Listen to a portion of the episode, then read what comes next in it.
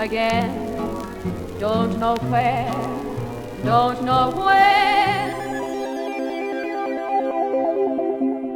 Hei og velkommen til Arkivet freds- og menneskerettighetssenters podkast. Mitt navn er Kristoffer Fjalseth. Jeg jobber her ved Arkivet freds- og menneskerettighetssenter som ph.d.-stipendiat. I dag er temaet hjemmeseilere i tyskkontrollerte farvann under andre verdenskrig. Og vi spiller inn i forbindelse med et eh, todagers seminar på Arkivet freds- og menneskerettighetssenter i Kristiansand. Don't know where, don't know where. Jeg har med meg eh, to herrer. Eh, Ole Jørgen S. Abrahamsen, historiker ved Norsk senter for krigsseilhistorie. Og Simen Sernikov, historiker ved Norsk senter for krigsseilhistorie der også. Eh, velkommen, begge to. Takk. Takk. Ole Jørgen, du jobber altså som eh, historiker. Hva gjør en historiker ved Norsk senter for krigsseilhistorie? Vi eh, holder på med mye forskjellig, men eh, kort fortalt så formidler vi, dokumenterer og forsker på krigsseilernes historie i bredt omfang. Og et, en del av det, på en måte flaggskipet som vi ofte kaller det, er jo da krigsseilregisteret.no, som er denne nettsiden som vi har holdt på med siden 2016, hvor vi registrerer hver enkelt krigsseiler og deres fartstid eh, under andre verdenskrig. da. Det krigsseilregisteret er noe du har jobbet mye med, Simen? Ja, det, det er riktig. Jeg var med å bygge det opp eh, tidligere. Og da har vi jo jobba med forskjellige grupper som skal dokumenteres, da. Som eh, tidligere ikke var kjent. Eh, så begynte med Nortraship, de norske og utenlandske. Så Marinen eh, på utefronten, og så til slutt så har det nå kommet til hjemmeseilerne og de nøytralfarter som eh, skal dokumenteres i de neste årene systematisk. Så det er et, gjen, et gjenstående arbeid. Det er et gjenstående arbeid, eh, og mm, vi har jobba mye med å finne kilder eh, som sjøforklaringer eller mønstringslister og sånn, og nå er vi klare til å begynne på det neste år. Så startskuddet går i januar, og hvor lenge ser du for deg at det trenger for å kartlegge det, det, i det store og det hele? Minimum 2026. Minimum 2026, så det er et uh, langsiktig arbeid. Absolutt. Er det fordi at kildetilfanget er så stort, eller har det andre grunner? Det, det er det også, og antagelig så kunne vi jobba mye lenger med det. Eh, Det er eh, Jeg har vel egentlig siden 2017 faktisk prøvd å kartlegge kilder, og uh, funnet veldig mye mer enn det som har vært kjent tidligere, da, om hva som har vært av disse her basisopplysningene som hvilke skip de seilte på, stillinger og for så vidt også hvor, men, eh, men mest uh, fartstiden, da, uh, i, sin enkelthet. Ole Jørgen, hva er en hjemmeseiler? Hjemmeseilerne de eh, er sjøfolkene som eh, var i Norge 9.4.1940. Da fikk man jo et skille. Vi, eh, vi snakker jo eh, ofte om nøyt, altså nøytral fart. Når vi snakker om det, så er det snakk om fra starten av andre verdenskrig, september 1939, og frem til 9.4.1940, når Norge blir okkupert av Nazi-Tyskland. Så nøytral fart, det er altså noe som oppstår fra Polen blir invadert, og til Norge blir invadert. Ja, riktig. Og det er på en måte en skille man gjør, fordi eh, det er på en måte litt ulike perioder da, for sjø sjøfarten for de norske handelsskipene. For en nøytral fart da skjer det mange krigsforlis, og det blir eh, farlig å seile i den perioden også for sjøfolkene eh, pga. krigen. Selv om Norge forsøker å holde seg utenfor å være nøytral da, part. Mens eh, 9. april så er jo ikke Norge lenger et nøytralt land, og da får man et skille, og det blir en stor kamp da mellom de allierte og aksemaktene kan man si, om å få kontroll på norske handelsflåten. Og skillet oppstår jo da egentlig basert på hvilke skip som var i Norge 9. april 1940, og hvilke skip som ikke var det. da. Eh, Og de som ikke var det, er jo de eh, litt over 1000 skipene som blir Nortra-skipflåten, uteflåten, som er det vi har jobbet mye med tidligere. Mens det vi kaller for hjemmeflåten, er jo de som var hjemme i Norge. da. Og det er eh, en liten del av Det er en liten del av den store på en måte, handelsflåten som seilte utenriks, men en veldig stor del av det er også de som seilte rutefart langs kysten, blant annet, da, som Hurtigruten, f.eks. eh, som er en viktig del av hjemmeflåten. da. Så, så de, de, som seilte hjemmeflåten, de seilte i, i tyskkontrollerte farvann og fraktet livsnødvendige varer til og fra Norge, og også langs kysten i Norge. da. Men de er altså under tysk kommando i det store og det hele? Ja, det, det, er, jo det, det er jo det. Så, så, de frakter jo samtidig som de frakter viktige varer langs kysten i Norge og til Norge, så frakter de jo også krigsmateriell. Eh, Eh, langs kysten og, og, til Tyskland. Da. Så det er en sånn eh, todelthet her. Det er, det er, på en måte samme, samme som også de uteflåtene som fraktet på en måte proviant, men også krigsmateriell for de allierte. Da. Og uh, også som etter hvert skjedde i uteflåten, så er det også arbeidstvang for de sjøfolkene som er her. Så det at de var jobbet på disse skipene som var i Norge 9.4.1940, gjorde at de ble lagt, underlagt den arbeidstvangen og måtte fortsette å seile. da. Og det var jo også en del trøbbel under krigen med å få bemannet skipene eh, nok. Um, og hvis du ikke møtte opp på jobb, så kom politiet og henta deg. Og hvis du f.eks. rømte til Sverige, så kunne jo det få konsekvenser for familien din. Da. Så det var, et, det var en, en, arbeidstvang i det for de sjøfolkene som var der. Men Kunne det bli sett på som motstand og ikke mønstre på? Ja, det ble, det ble jo på en måte av okkupasjonsmakten så, så var som ville kalt det motstand, men det var på en måte en arbeidstvang da, i det. Så det var, de, måtte, de, måtte, møte opp og ble jaktet opp hvis ikke de gjorde det.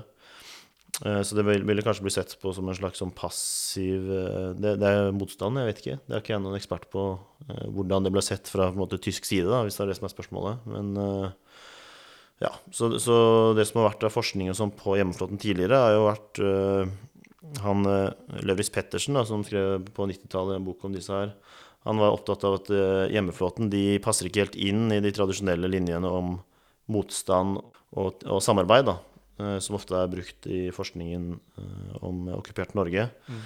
Men at det er mer snakk om et analyseperspektiv som også handler om tilpasning, og hvordan på en måte hele sektoren tilpasset seg okkupasjonsmakten. Da. Så det gleder jeg meg veldig til å diskutere på det seminaret vi skal ha nå i to dager. Da. Denne på en måte relasjonen mellom både sånn motstand, samarbeid og tilpasning. Da, og i hvilken grad ulike aktører i hjemmeflåten hadde et handlingsrom til å drive med de forskjellige tingene og ut fra den situasjonen de havnet i. da. Simen, det aner meg at dette er en sånn historie som har vært, kanskje vært litt kontroversiell opp igjennom? Ja, det, det kan du si. Uh, uh, nå refererte jo Ole Jørgen til uh, Lauritz Pettersen Uh, og dette bokverket med uh, Altså standardverket på hjemmeflåten, da.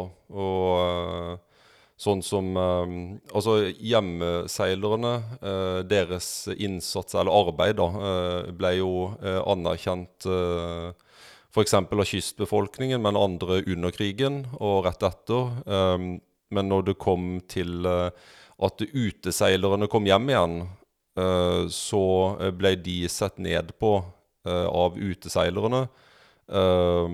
Eh, og at eh, hjemmeseilerne på en måte gikk under sånn og, og, og, og, gikk vekk av søkelyset, da kan du si. Sånn der at det, det var uteseilerne som ble den gruppa sjøfolk som, som fikk oppmerksomhet. Så det, det, er jo den ene siden. Mens den, den andre siden, det som, det som, er kontroversielt, da, er jo, som Ole Jørgen har snakka om tidligere, er jo det at når skipene dro ut, så hadde de kanskje med seg malm og fisk. Og så kommer de hjem igjen, og så har de med seg korn og kull. Og når de går langs kysten, så har de kanskje med seg ammunisjon og soldater for tyskerne.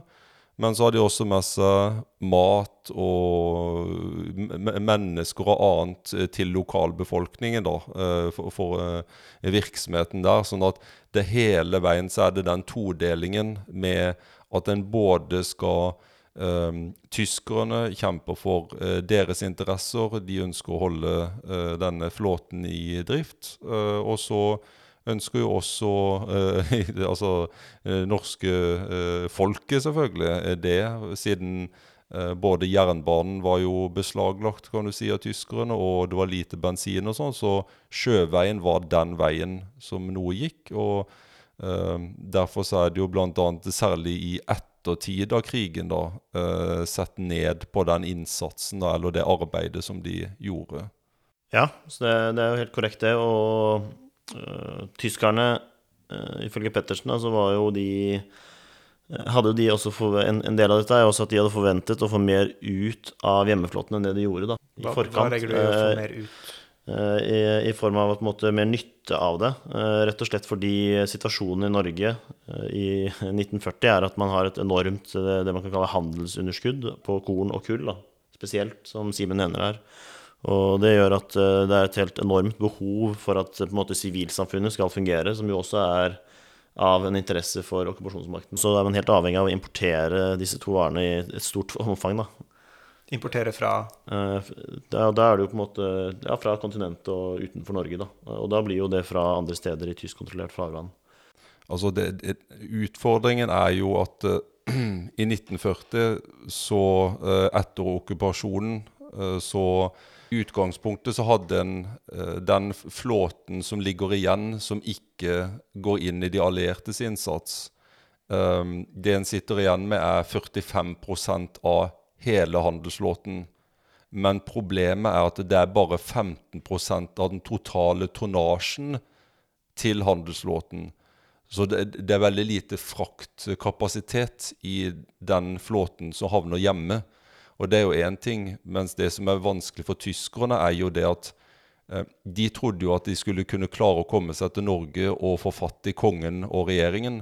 De stikker jo utenlands. Da er det ikke mulig å samarbeide lenger. Så de driver, må jo drive og holde på dette her. og Eh, og, og det ble ikke sånn som de hadde planlagt, verken i forhold til tonnasjen og frakt rundt og sånn. Og det blir en hodepine for tyskerne, dette. Så hvis jeg forstår det riktig, så er altså 85% av tonnasjen er på skip som er utenfor norske farvann 9.4. Det er riktig.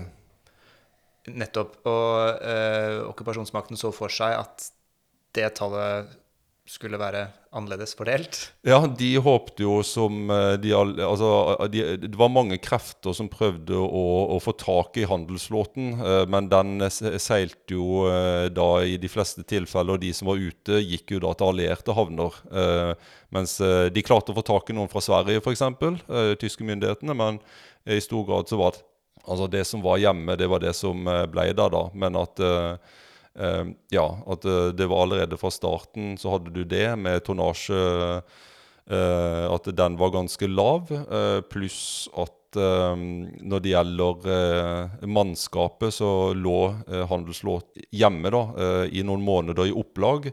Og mange sjøfolk mønstra av, og det ble på en måte aldri det samme. For det at de hadde en, et problem hele veien i krigen med å prøve å bemanne disse skipene hjemme da også. Men, men det er altså det er mange skip med en lite tonnasje. Det er mange små skip, er det sånn å forstå? Ja, altså der uh, i eh, typisk hjemmeflåten da, så er det 833. Uh, og så er det uh, Av de så er det sånn også 2400 cirka sånne frakteskuter og, og, og små båter. Da, så er det en ganske sånn sammensatt gjeng med skip da, eh, i hjemmeflåten. Ja, altså I dette her så er det også viktig å nevne at det var ikke En ting er jo de relative tallene internt i norske flåten, da, hvem som havner hjem, i det vi kaller for hjemmeflåten, og hvem som havner i det vi kaller for uteflåten. Eh, Men dette her er jo også på det tidspunktet her det fjerde største handelsflåten i hele verden. Og i tillegg, en ting som var spesielt med den norske handelsflåten på den tiden her, var at den var eh, en veldig stor andel av moderne skip, motorskip, da. Eh, Så derfor så var det en viktig ressurs, på en måte, viktig, eller, ja, viktig å få tak i for de to sidene av krigen. Og, Og moderne, moderne skip i denne sammenheng, hva er forskjellen på et moderne og ikke-moderne skip? nei, Norge, de var, Norge har jo vært en sjøfartsnasjon tidligere og var stor i seilskutetida. Og så, for å ta en lang historie veldig kort, så, så klarte de ikke, eller man gjorde ikke helt den overgangen til dampskip, så man falt litt etter på en måte i den tidsalderen hvor dampskip var dominerende. Og så fikk man jo da i mellomkrigstiden hvor motorskip var det nye store, moderne, da, og som kunne gå mye fortere enn disse dampskipene, som jo også ble viktig når man skulle kjøre konvoier for å komme fortere fram. Krigen, da, og, og, der, og det var norske redere veldig tidlig på. Eh, Kanskje også litt fordi de hadde hengt etter i denne dampskiphandelen, så kom de veldig på denne ja, Det er mange grunner til at det ble sånn, da. men det, faktum er i hvert fall at de hadde en veldig moderne flåte, og veldig stor andel av den moderne flåten havnet jo på utefronten, for det var jo de store store tankskipene da, som seilte utenriks. Eh, og dette er jo eh, skip som uh, tyskerne da, eh, nok hadde sett for seg eller hadde veldig, veldig lyst til å få tak i, som de jo ikke i stor grad gjorde. da. Så det er, det er en veldig annerledes eh, historie eh, sånn sett òg enn historien om uteflåten. Ja, det som dere omtaler som uteflåten, det er det kanskje vi som ikke jobber med dette daglig, kjenner igjen som krigsseilere? Stemmer det? Det, det, det er riktig, det. Det er fortsatt mange som har den eh, klassiske definisjonen av hva en krigsseiler er. da. Eh, hvis du hadde spurt Riksarkivet f.eks., så så ville nok de tendert mot at det, det var krigsseilerne. Eh, eller mange andre i samfunnet òg. men vi, vi har jo i, i krigsseilerregisteret så har en en brei kategorisering av det. Uh, av hva det vil si å være en krigsseiler, som jeg nevnte innledningsvis. altså eh, de i marinen, så blir det jo uteflåten, da, eller Nortraship, da, og eh, de hjemme. Eh, men altså, hva, hva er det som er eh, de som var ute? Jo, det er jo de klassiske eh, tusenskipene som ender ute, eh, seilende rundt på verdenshavene, eh, med ca. 30 000 norske sjøfolk på. En digresjon, men eh, hjemmeflåten er jo også betraktelig mindre med mannskap, da. Men det kan jeg nå komme tilbake til. Men det er kort fortalt det. De som seiler ute, og som også blir samla i dette her eh, verdens største rederi, Nortraship, eh, og som styres av, norske myndigheter i, London. Du sier at det er færre mannskaper, selv om det er veldig mange skip. Hvordan har det seg? Altså 9. april så er det ca. 13 000 sjøfolk eh, som eh, bemanner den eh, flåten eh, hjemme. Eh, og så blir jo de mønstra av, eh, og etter det så eh, er det egentlig ikke kjent hvor, hvor mange som var i hjemmeflåten. Eh, anslagsvis eh, rundt eh, 13 000, men antagelig så er det mange flere, for det er jo så mange småbåter også som var en del av flåten. da. Så um, det er jo en del vi, av det vi skal finne ut av hvor mange det er. Så f.eks. når vi eh, Når jeg tidligere eh, skulle finne ut av hvor mange det var eh, av utenlandske sjøfolk på uteflåten, så fant vi ut at det var jo rundt 30 000. Så det var jo et enormt antall. Ja, så Ca. like mange som det var norske? På, på uteflåteskipene. Så det jeg antar, er jo det at når en begynner med hjemmeflåten, så vil en se at det antagelig er mange flere enn en hadde trodd. da. Kan du Si noe om viktigheten av et sånn type dokumentasjonsarbeid som gjøres? Ja. Øh, jeg, prosjektet vi jobber med da, med krigsseilregisteret, det er jo en måte å dokumentere vanlige sjøfolks eh, måte, arbeidshverdag under krigen og fartstid, og, og få frem deres historie og deres opplevelser. da. Så det er ikke Historie kan jo ofte ha en tendens til å tendere å fortelle om eh, store statsledere, eller eh, Mens her er det på en måte de vanlige sjøfolkenes historie, og hver enkelt sjømann får jo, eller kvinne da, får jo sin egen profil på nettsiden vår, hvor den personen dokumenteres eh, den innsatsen de gjorde, da, og, og det arbeidet de gjorde. Og, og dette her er jo, gjør jo også at det blir tilgjengeliggjort for eh, enormt mange mennesker i nåtid, da. Det var jo, nå har vi jo funnet at det var eh, ja, totalt antall mannskap på uteflåten var rundt 60 000, da, hvis man skal si det litt sånn røffelig. Halv, rundt halvparten av de var norske. Og det, ikke, det betyr ikke at det var 60 000 på flåten hele tiden, men det betyr at det totale antall folk, og så var det noen som var på alle fem årene, mens noen kanskje var på en måned. da. Så var det ja, 13 000, som du sier, i starten av krigen i hjemmeflåten. Så da er det jo snakk om eh, i hvert fall rundt sånn 43 000 eh, norske sjøfolk da, i 1939-40 som jobba med det yrket, og det bor vel rundt 2,5 millioner mennesker i Norge på den tiden.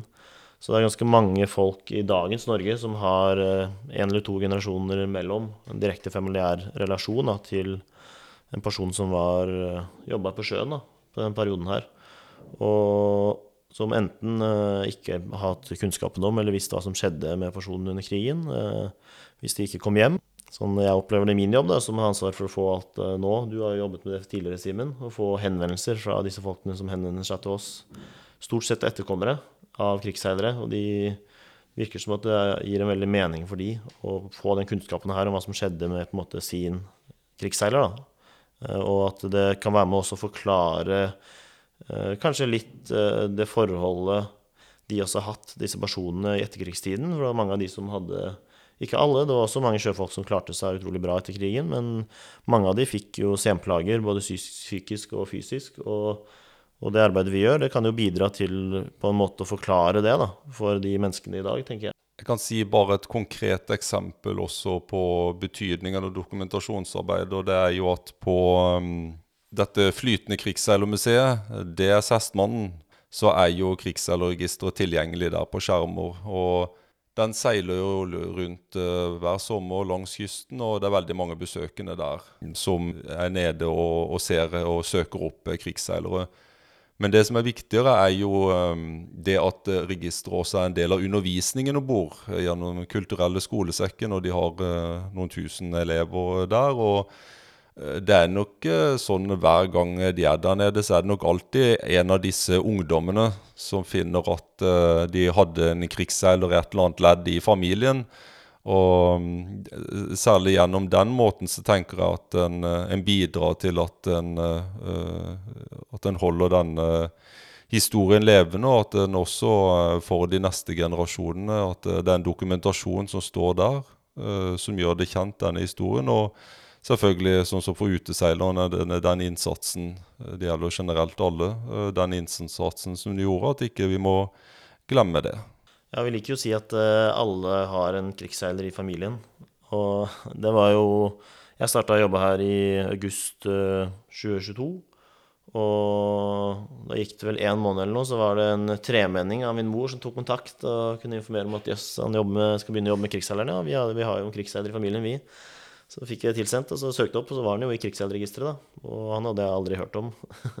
som var onkelen til min bestemor, så det var ikke så fjern relasjon. Uh, og når jeg nå prater med bestemoren min om det, så har hun veldig klare minner av det. For hun levde jo på den tiden. Da. Så, han var da uteseiler?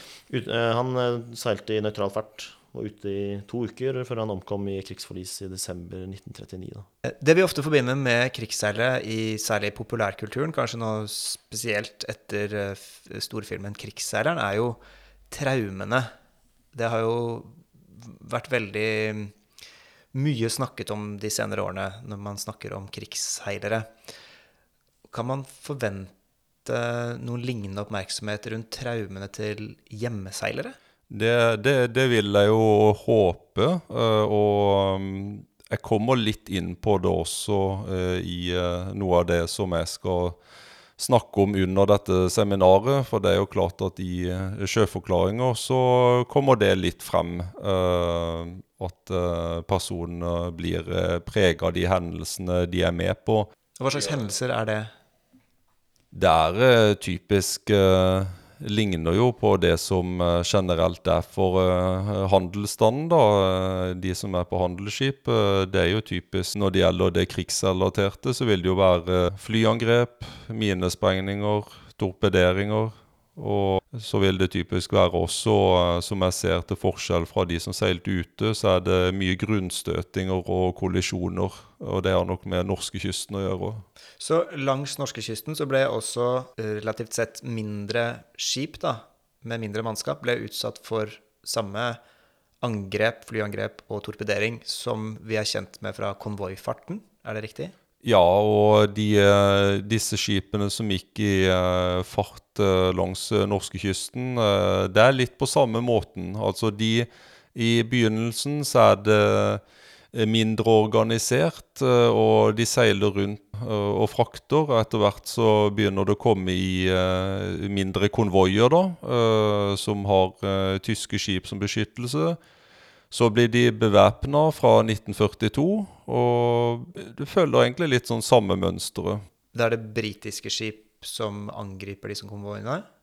Ja, det er eh, de allierte. Etter hvert så kommer amerikanerne også inn, så det er jo mye de allierte. Altså, En må skille mellom de som typisk blir senka i de månedene etter angrepet på Tyskland. Eh, jo, da kan det jo være typiske britiske, franske også. Eh, mens når det kommer seinere i krigen, så er det jo mye eh, britiske, og etter eh, Sovjetunionen ble angrepet, så kan det være eh, sovjetiske styrker, og så amerikanske. Så de får jo flere og flere fiender etter hvert. Det var jo også norske marine, da.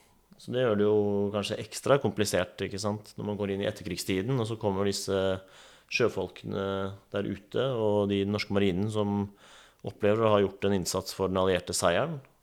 Eh, Og så er det jo også da skal man finne sammen og bygge freden, ikke sant. I et samfunn da hvor du også har disse hjemmeseilerne som, som ble angrepet, ikke sant. Som sto i det arbeidet og ble tvunget til det. Og ble, ble et angrepsmål da på grunn av eh, krigs... Uh, altså lasten de hadde. Og det er jo noen åpenbare sånn etiske dilemmaer her, fordi de allierte som da angriper de norske skipene i tyskkontrollert norsk farvann, er jo fullt og helt vitende om at disse skipene, de, de, de, de seiler med norske statsborgere om bord, og med livsviktig korn og kull langs norskekysten, som går til befolkningen. Det ble ikke skilt uh, i disse angrepene mellom det norske eller det tyske. De ble angrepet uansett. Så alt som går i tyskkontrollert farvann, er fiendtlig. Det skal senkes. Riktig. Og det er jo, det er jo forsøk på en måte fra tysk side med, i uteflåten så kjenner vi til dette Admiralty Grey, hvor alle skipene ble malt i gråfarge for at det skulle være vanskeligere å spotte. Mens, eh, så det, det kan godt hende at de gjorde det delvis i hjemmeflåten òg, men det er også et forsøk med at de bl.a. har store norske flagg og maler på store norske flagg på båtene. For å synliggjøre at dette er norske båter. da. Eh, Og også et slags sånn symbolsk, ikke sant. Når de ble senket. Og det ble også brukt aktivt i Nasjonal Samlings at eh, de norske hjemmeflåteskipene ble senket da, av eh, britisk og alliert marine og norsk marine.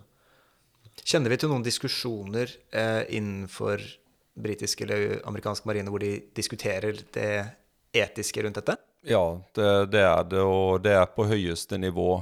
Eh, konklusjonen er det at en må rett og slett eh, gi beskjed til eh, Norge at eh, sånn er det bare.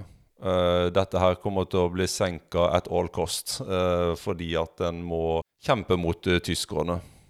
Så hvis en norsk sjømann eller sjøkvinne er da utenfor skal vi si, grensen for norsk farvann, så blir vedkommende beskyttet av allierte skip i konvoi. Er de innenfor grensen av norsk farvann, så blir de forsøkt senket av allierte eh, krefter. Ja, grovt sett så er det så er det, det det går i, ja. Og også en type motstandsfolk. eh, altså Hvis man skal gå til en veldig kjent historie da, med kampen om tungtvannet, så har det jo i den NRK-serien så skildrer de jo hvordan eh, denne DS Hydro ble senket på Tinnsjøen i Telemark. Um, hvor det er passasjerskip, da, hvor det, det, det på en måte brukes tid i den TV-serien på å skildre dette dilemmaet med disse motstandsfolkene, hvor det er utrolig viktig for krigsinnsatsen, for den allierte seieren, å senke det skipet, samtidig som de kjenner folk som er om bord på det skipet, det, fordi det også er et passasjerskip. da. Og, og det skipet ville jo da gått i kategorien hjemmeseilende. Ja, korrekt.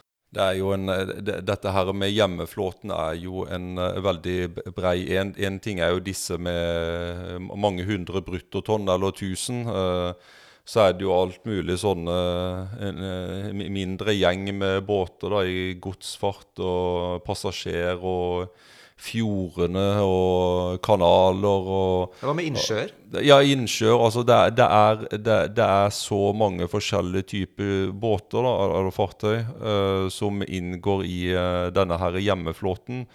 Som eh, gjør det også interessant å studere det, men uh, veldig vanskelig å finne ut av hvem de folkene som om bord var på. da, For det blir jo ikke mønstra på mange av disse mindre, men uh, Det er altså et prosjekt som går da fram til 2026, som dere begge skal jobbe med. ja, altså jeg vil uh, vel være det du vil kalle en prosjektleder da, for det. Men at selvfølgelig Ole Jørgen er jo ansvarlig for krigssalogist, og så vil vi jo være hands on med det begge to, da. Så dere skal altså begge være engasjert i dette prosjektet som handler om hjemmeseilere, som starter i 2024 og som skal avsluttes i 2026. Har dere noen ideer om hva dere kommer til å finne som vi ikke allerede vet? Altså noen hypoteser? Og eh, spørsmål nummer to handler om hva slags kilder er det dere skal undersøke som ikke tidligere har blitt undersøkt? Ja, altså det, er, eh, det, det vi vil finne er jo generelt sett eh, veldig mye mer kunnskap. Eh, Vi, vi vet jo ikke navnene på noen nesten av de som var ute. Og Som var inne? Ja, som var inne, mener jeg. Og vet jo heller ikke sånn på gruppenivå hva de gjorde. Så det blir jo både på personnivå og gruppenivå å kartlegge mye knytta til, typisk hva folkene gjorde, men også skipene. Eh, når det gjelder det kildemessige, så, så, er det jo at, eh, som jeg har nevnt tidligere, at jeg har sett på eh, mange turer på Riksarkivet, Uh, og også kartlagt gjennom statsarkivene, og funnet eh, mange kildesamlinger. Eh, hovedkilden er jo såkalte mønstringsruller, men har også funnet sjøforklaringer. Det har vi nå, om ikke lenge til, så er det over 500 sjøforklaringer som er digitalisert og gjort tilgjengelig gjennom Krigsseilregisteret, som er jo en veldig unik dokumentasjon, ikke minst for publikum, eh, for å kunne sette seg inn i eh, For mange spørsmål her er jo fra publikum de prøver å sette seg inn og forstå kanskje hvorfor en person ble som personen var, eller i hvert fall på en måte identifisere seg litt med det, forstå personen bedre krigsseileren. Og um, Da kan f.eks. en sjøforklaring være en, en, god dokumentasjon da, til det, hvis uh, den krigsseileren selvfølgelig var med på den hendelsen hvor det er beskrevet. da. Uh, men uh, videre så er det jo bare mønstringsjournaler og bemanningslister og sånn. Så det, men det er et kjempestort materiale som det vil ta tid å jobbe seg gjennom. Ja, så Det er jo flerfoldig disse sjøforklaringene. Det er jo en slags sånn forklaring etter en hendelse, da som med krigsforlis, hvor eh, de som eh, eventuelt har overlevd, forklarer og snakker, snakker, om hva som har skjedd. Da. Så det er en måte å, å lese om levninger fra da det skjedde rett etterpå, da, fra de folkene som var involvert, og hvordan de opplevde kanskje de mest dramatiske hendelsene og opplevelsene de hadde da under krigen, i de sjøforklaringene.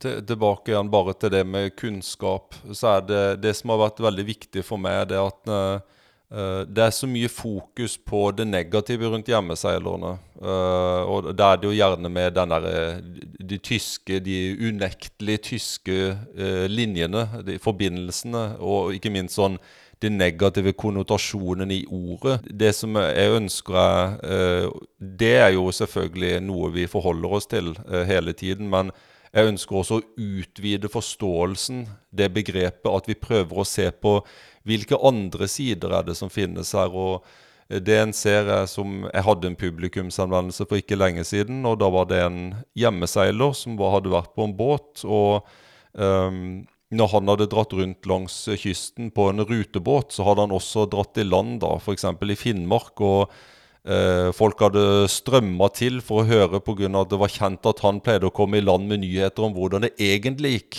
Eh, altså de tyske fremrykkingene og hvordan det egentlig gikk der ute i krigsinnsatsen. og Dette er jo typisk motstand, da. Eh, og det som vil kalles distribuering av fiendtlige nyheter. Og Sånne ting synes jeg er veldig interessant også. At en, en, en, må på en måte prøve å åpne opp her og si at det, det er veldig mangefasettert, dette med hjemmeseilerne. Så det er også noe av det som gjør det spennende. Og nå har jo Norsk senter for krigsseilerhistorie har jo nå i noen år jobbet med å få fram flere fasetter av krigsseilerhistorien generelt. Som har ført til mye medieoppmerksomhet, eh, politisk oppmerksomhet, rojal oppmerksomhet. Kan vi forvente noe lignende med funnene fra hjemmeseilerne? Jeg håper det. Uh, men jeg, jeg, jeg, tror kanskje at uh, ikke nødvendigvis uh, den det, det, vil ikke være et sånn hederaspekt nødvendigvis, men jeg tror nok at likevel, særlig for etterkommere, men mange andre, så er det jo det at med hjemmeseilerne, der er det jo i hvert fall et behov for anerkjennelse. For de har jo eh, verken på person- eller gruppenivå i, i, i de tiårene etter krigen, så er det jo at de har gått helt i glemselen. Uh, så jeg tenker det, det, det, det, er rett og slett viktig, vil jeg tro, for mange som uh, blir kjent med at de har en hjemmeseiler i familien. at ja, de tenker at endelig så får i hvert fall han en anerkjennelse. Han, han, han fikk ingen uh, sånne penger, ingen uh, pensjon eller hva det skulle være for noe. Han fikk ikke noe, uh, og de ble jo helt neglisjert. Men i, i hvert fall så blir en dokumentert, og kanskje minner, da, at familiene OK, han, han gjorde det arbeidet der, og det, det, det, det var bra også. Ole Jørgen, du har jo en uh, I din mastergrad så skrev du om uh, sosialdemokratiet i Sverige og Norge. Hva tenker du om hjemmeseilere og klassetilhørighet? Er det noe som du forventer å finne der? Det er jo eh, Noe av det interessante med sjøfartshistorie er jo den der flerfoldigheten på skipene. Altså det er jo Klassesamfunnet ut, utgjør seg jo veldig tydelig på disse skipene. Det er ekstremt hierarkiske samfunn på en måte som etableres på hver båt. Eh, hvor du har eh, skipsføreren som på en måte er en slags gud på båten og bestemmer alt. Eh, og så er det lagstelt nedover, da, og når du begynner, så begynner du på en liksom lavere på gulvet, og så jobber du deg oppover. Og, det er en veldig, veldig sånn eksplisitt hierarkisk ordning på disse båtene. Så det er ikke noe som legges mellom det, da, på det samfunnet, og det er veldig sånn tydelig delt. Og det er ikke noe tvil om at det var flere dekksgutter og matroser enn skipsførere totalt, da. Men eh, det, det, jeg tenker at dette prosjektet også kan vise, er jo på et mer sånn generelt nivå, som eh, for så vidt også kan trekke linjer til vår tid, er jo hvordan eh, disse vanlige folkene, egentlig, da, sivile sjøfolkene, litt ut ifra litt tilfeldigheter som gjorde hvor de var 9.4.1940, gjorde at de havnet i uteflåten eller hjemmeflåten. Og de ble utsatt pga. arbeidet de hadde, så ble de angrepet. Angrepsmål eh, under krigen. og mange av de omkom. Mange opplevde traumatiske opplevelser som prega de resten av livet.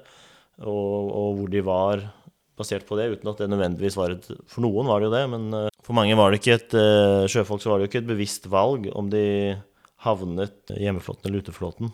Så det, var, så det var ikke sånn at de aktivt valgte å kjempe for den ene eller den andre siden. Det var jo noen som gjorde det, som rømte over via Sverige uh, fordi de ville ut og seile uteflåten. Og det var jo også også noen som gikk inn i hjemmeflåten med, med, den motivasjonen. Men de fleste var vanlige sivile sjøfolk som pga. det yrket de hadde, og der de var, grunnet verdenssamfunnet og de omstendighetene som skjedde rundt, havnet i en ekstrem situasjon og fikk eh, på en måte kjenne krigens lidelser da, på kroppen. Jeg må huske på at mange jo også seilt under første verdenskrig. Det var jo sånn, En har jo f.eks. Minnehallen i Stavern, som er et sånn eh, minnesmerke over de som seilte både under første og andre verdenskrig. Så for noen eh, sjøfolk så var de kjent med både konvoier og krig. Eh, og når en da kom inn i andre verdenskrig, eh, som er tidligere nevnt, av september 1939, så er det jo da at flere sjøfolk bestemmer seg for å rett og slett mønstre av, fordi at de ønsker ikke å oppleve krig igjen. Og så får en da en ny bølge med eh, andre folk som så mønstrer på igjen for å dekke dette. Og så går eh, tiden, og det er mange som seiler i denne nøytral fartperioden fra september 39 til april 1940. Eh, så kommer en inn da i eh, aprildagene, og, og, flåten blir jo splitta, da. Eh, og um, det en ser, er jo det at eh, ja, 13 000 Eh, det er jo egentlig et ganske lavt antall, men det er et anslag. Så, men en, en, vil tenke seg at det er 13 000 som er sysselsatt. Men sammenligna med det som var i den nøytrale farten, og det var kanskje opp mot 40 000 eller noe, så er jo det en ganske liten andel, da. Ja, og du sier at sjøfolkene var kjent med krig. Og det er jo, vi snakker jo om første og andre verdenskrig, men det er jo også viktig å trekke inn at det var andre kriger rundt omkring i verden på 1930-tallet. Eh, som, som, også norske skip seilte i, selv om det ikke var en verdenskrig. Og, og, det gjorde jo også at denne, måte, hele denne sektoren av samfunnet på en måte, De hadde opplevd det før under første verdenskrig. De opplevde det på en måte i nåtid med spanske borgerkrigen, og også, eller egentlig helt tilbake til 1935 da, i Etiopia. Og de, de, var på en måte litt for På en måte ikke nødvendigvis sjøfolk, men i hvert fall også De kjente litt til hva de gikk i, da. Og, og det gjorde jo også Det er jo også knytta til noe av det som eh, Pettersen snakker om, hva som er altså forsikringen på skipene. For det var jo allerede i 1935 så begynte man jo å se på hvordan man skulle forsikre knytta til krigsforliset sånn, pga. uroen rundt omkring i verden. Og, og, det er jo også mye av grunnlaget til kunnskapen man har om det som tidligere er kalt for hjemmeflåten. da. Jeg vet ikke om du vil si noe om det, det Simen?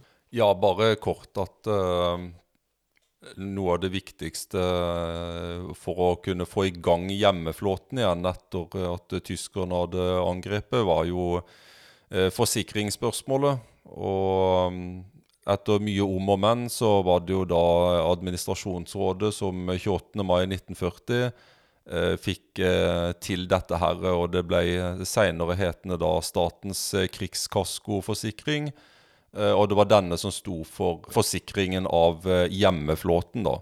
Så også i forhold til dokumentasjon så er det et uh, veldig viktig arkiv for oss å jobbe med dette som heter Statens krigskaskoforsikring.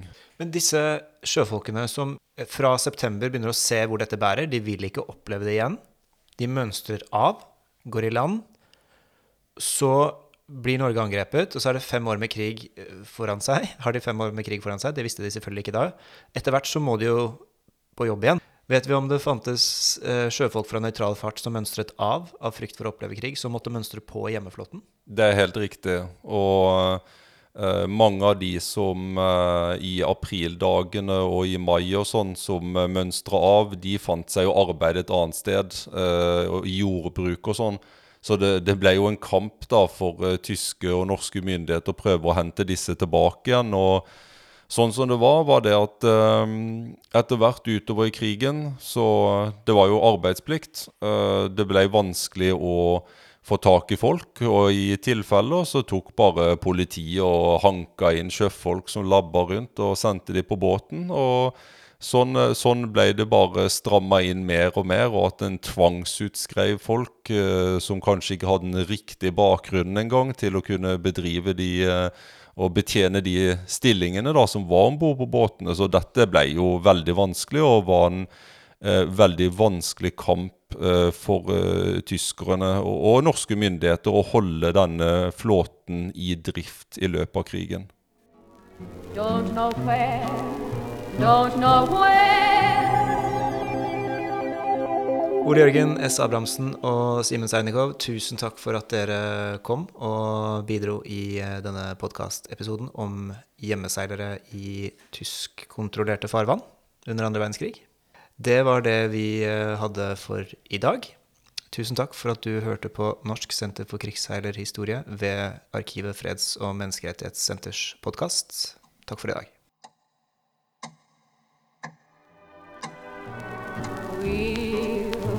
Again. Don't know where, don't know where.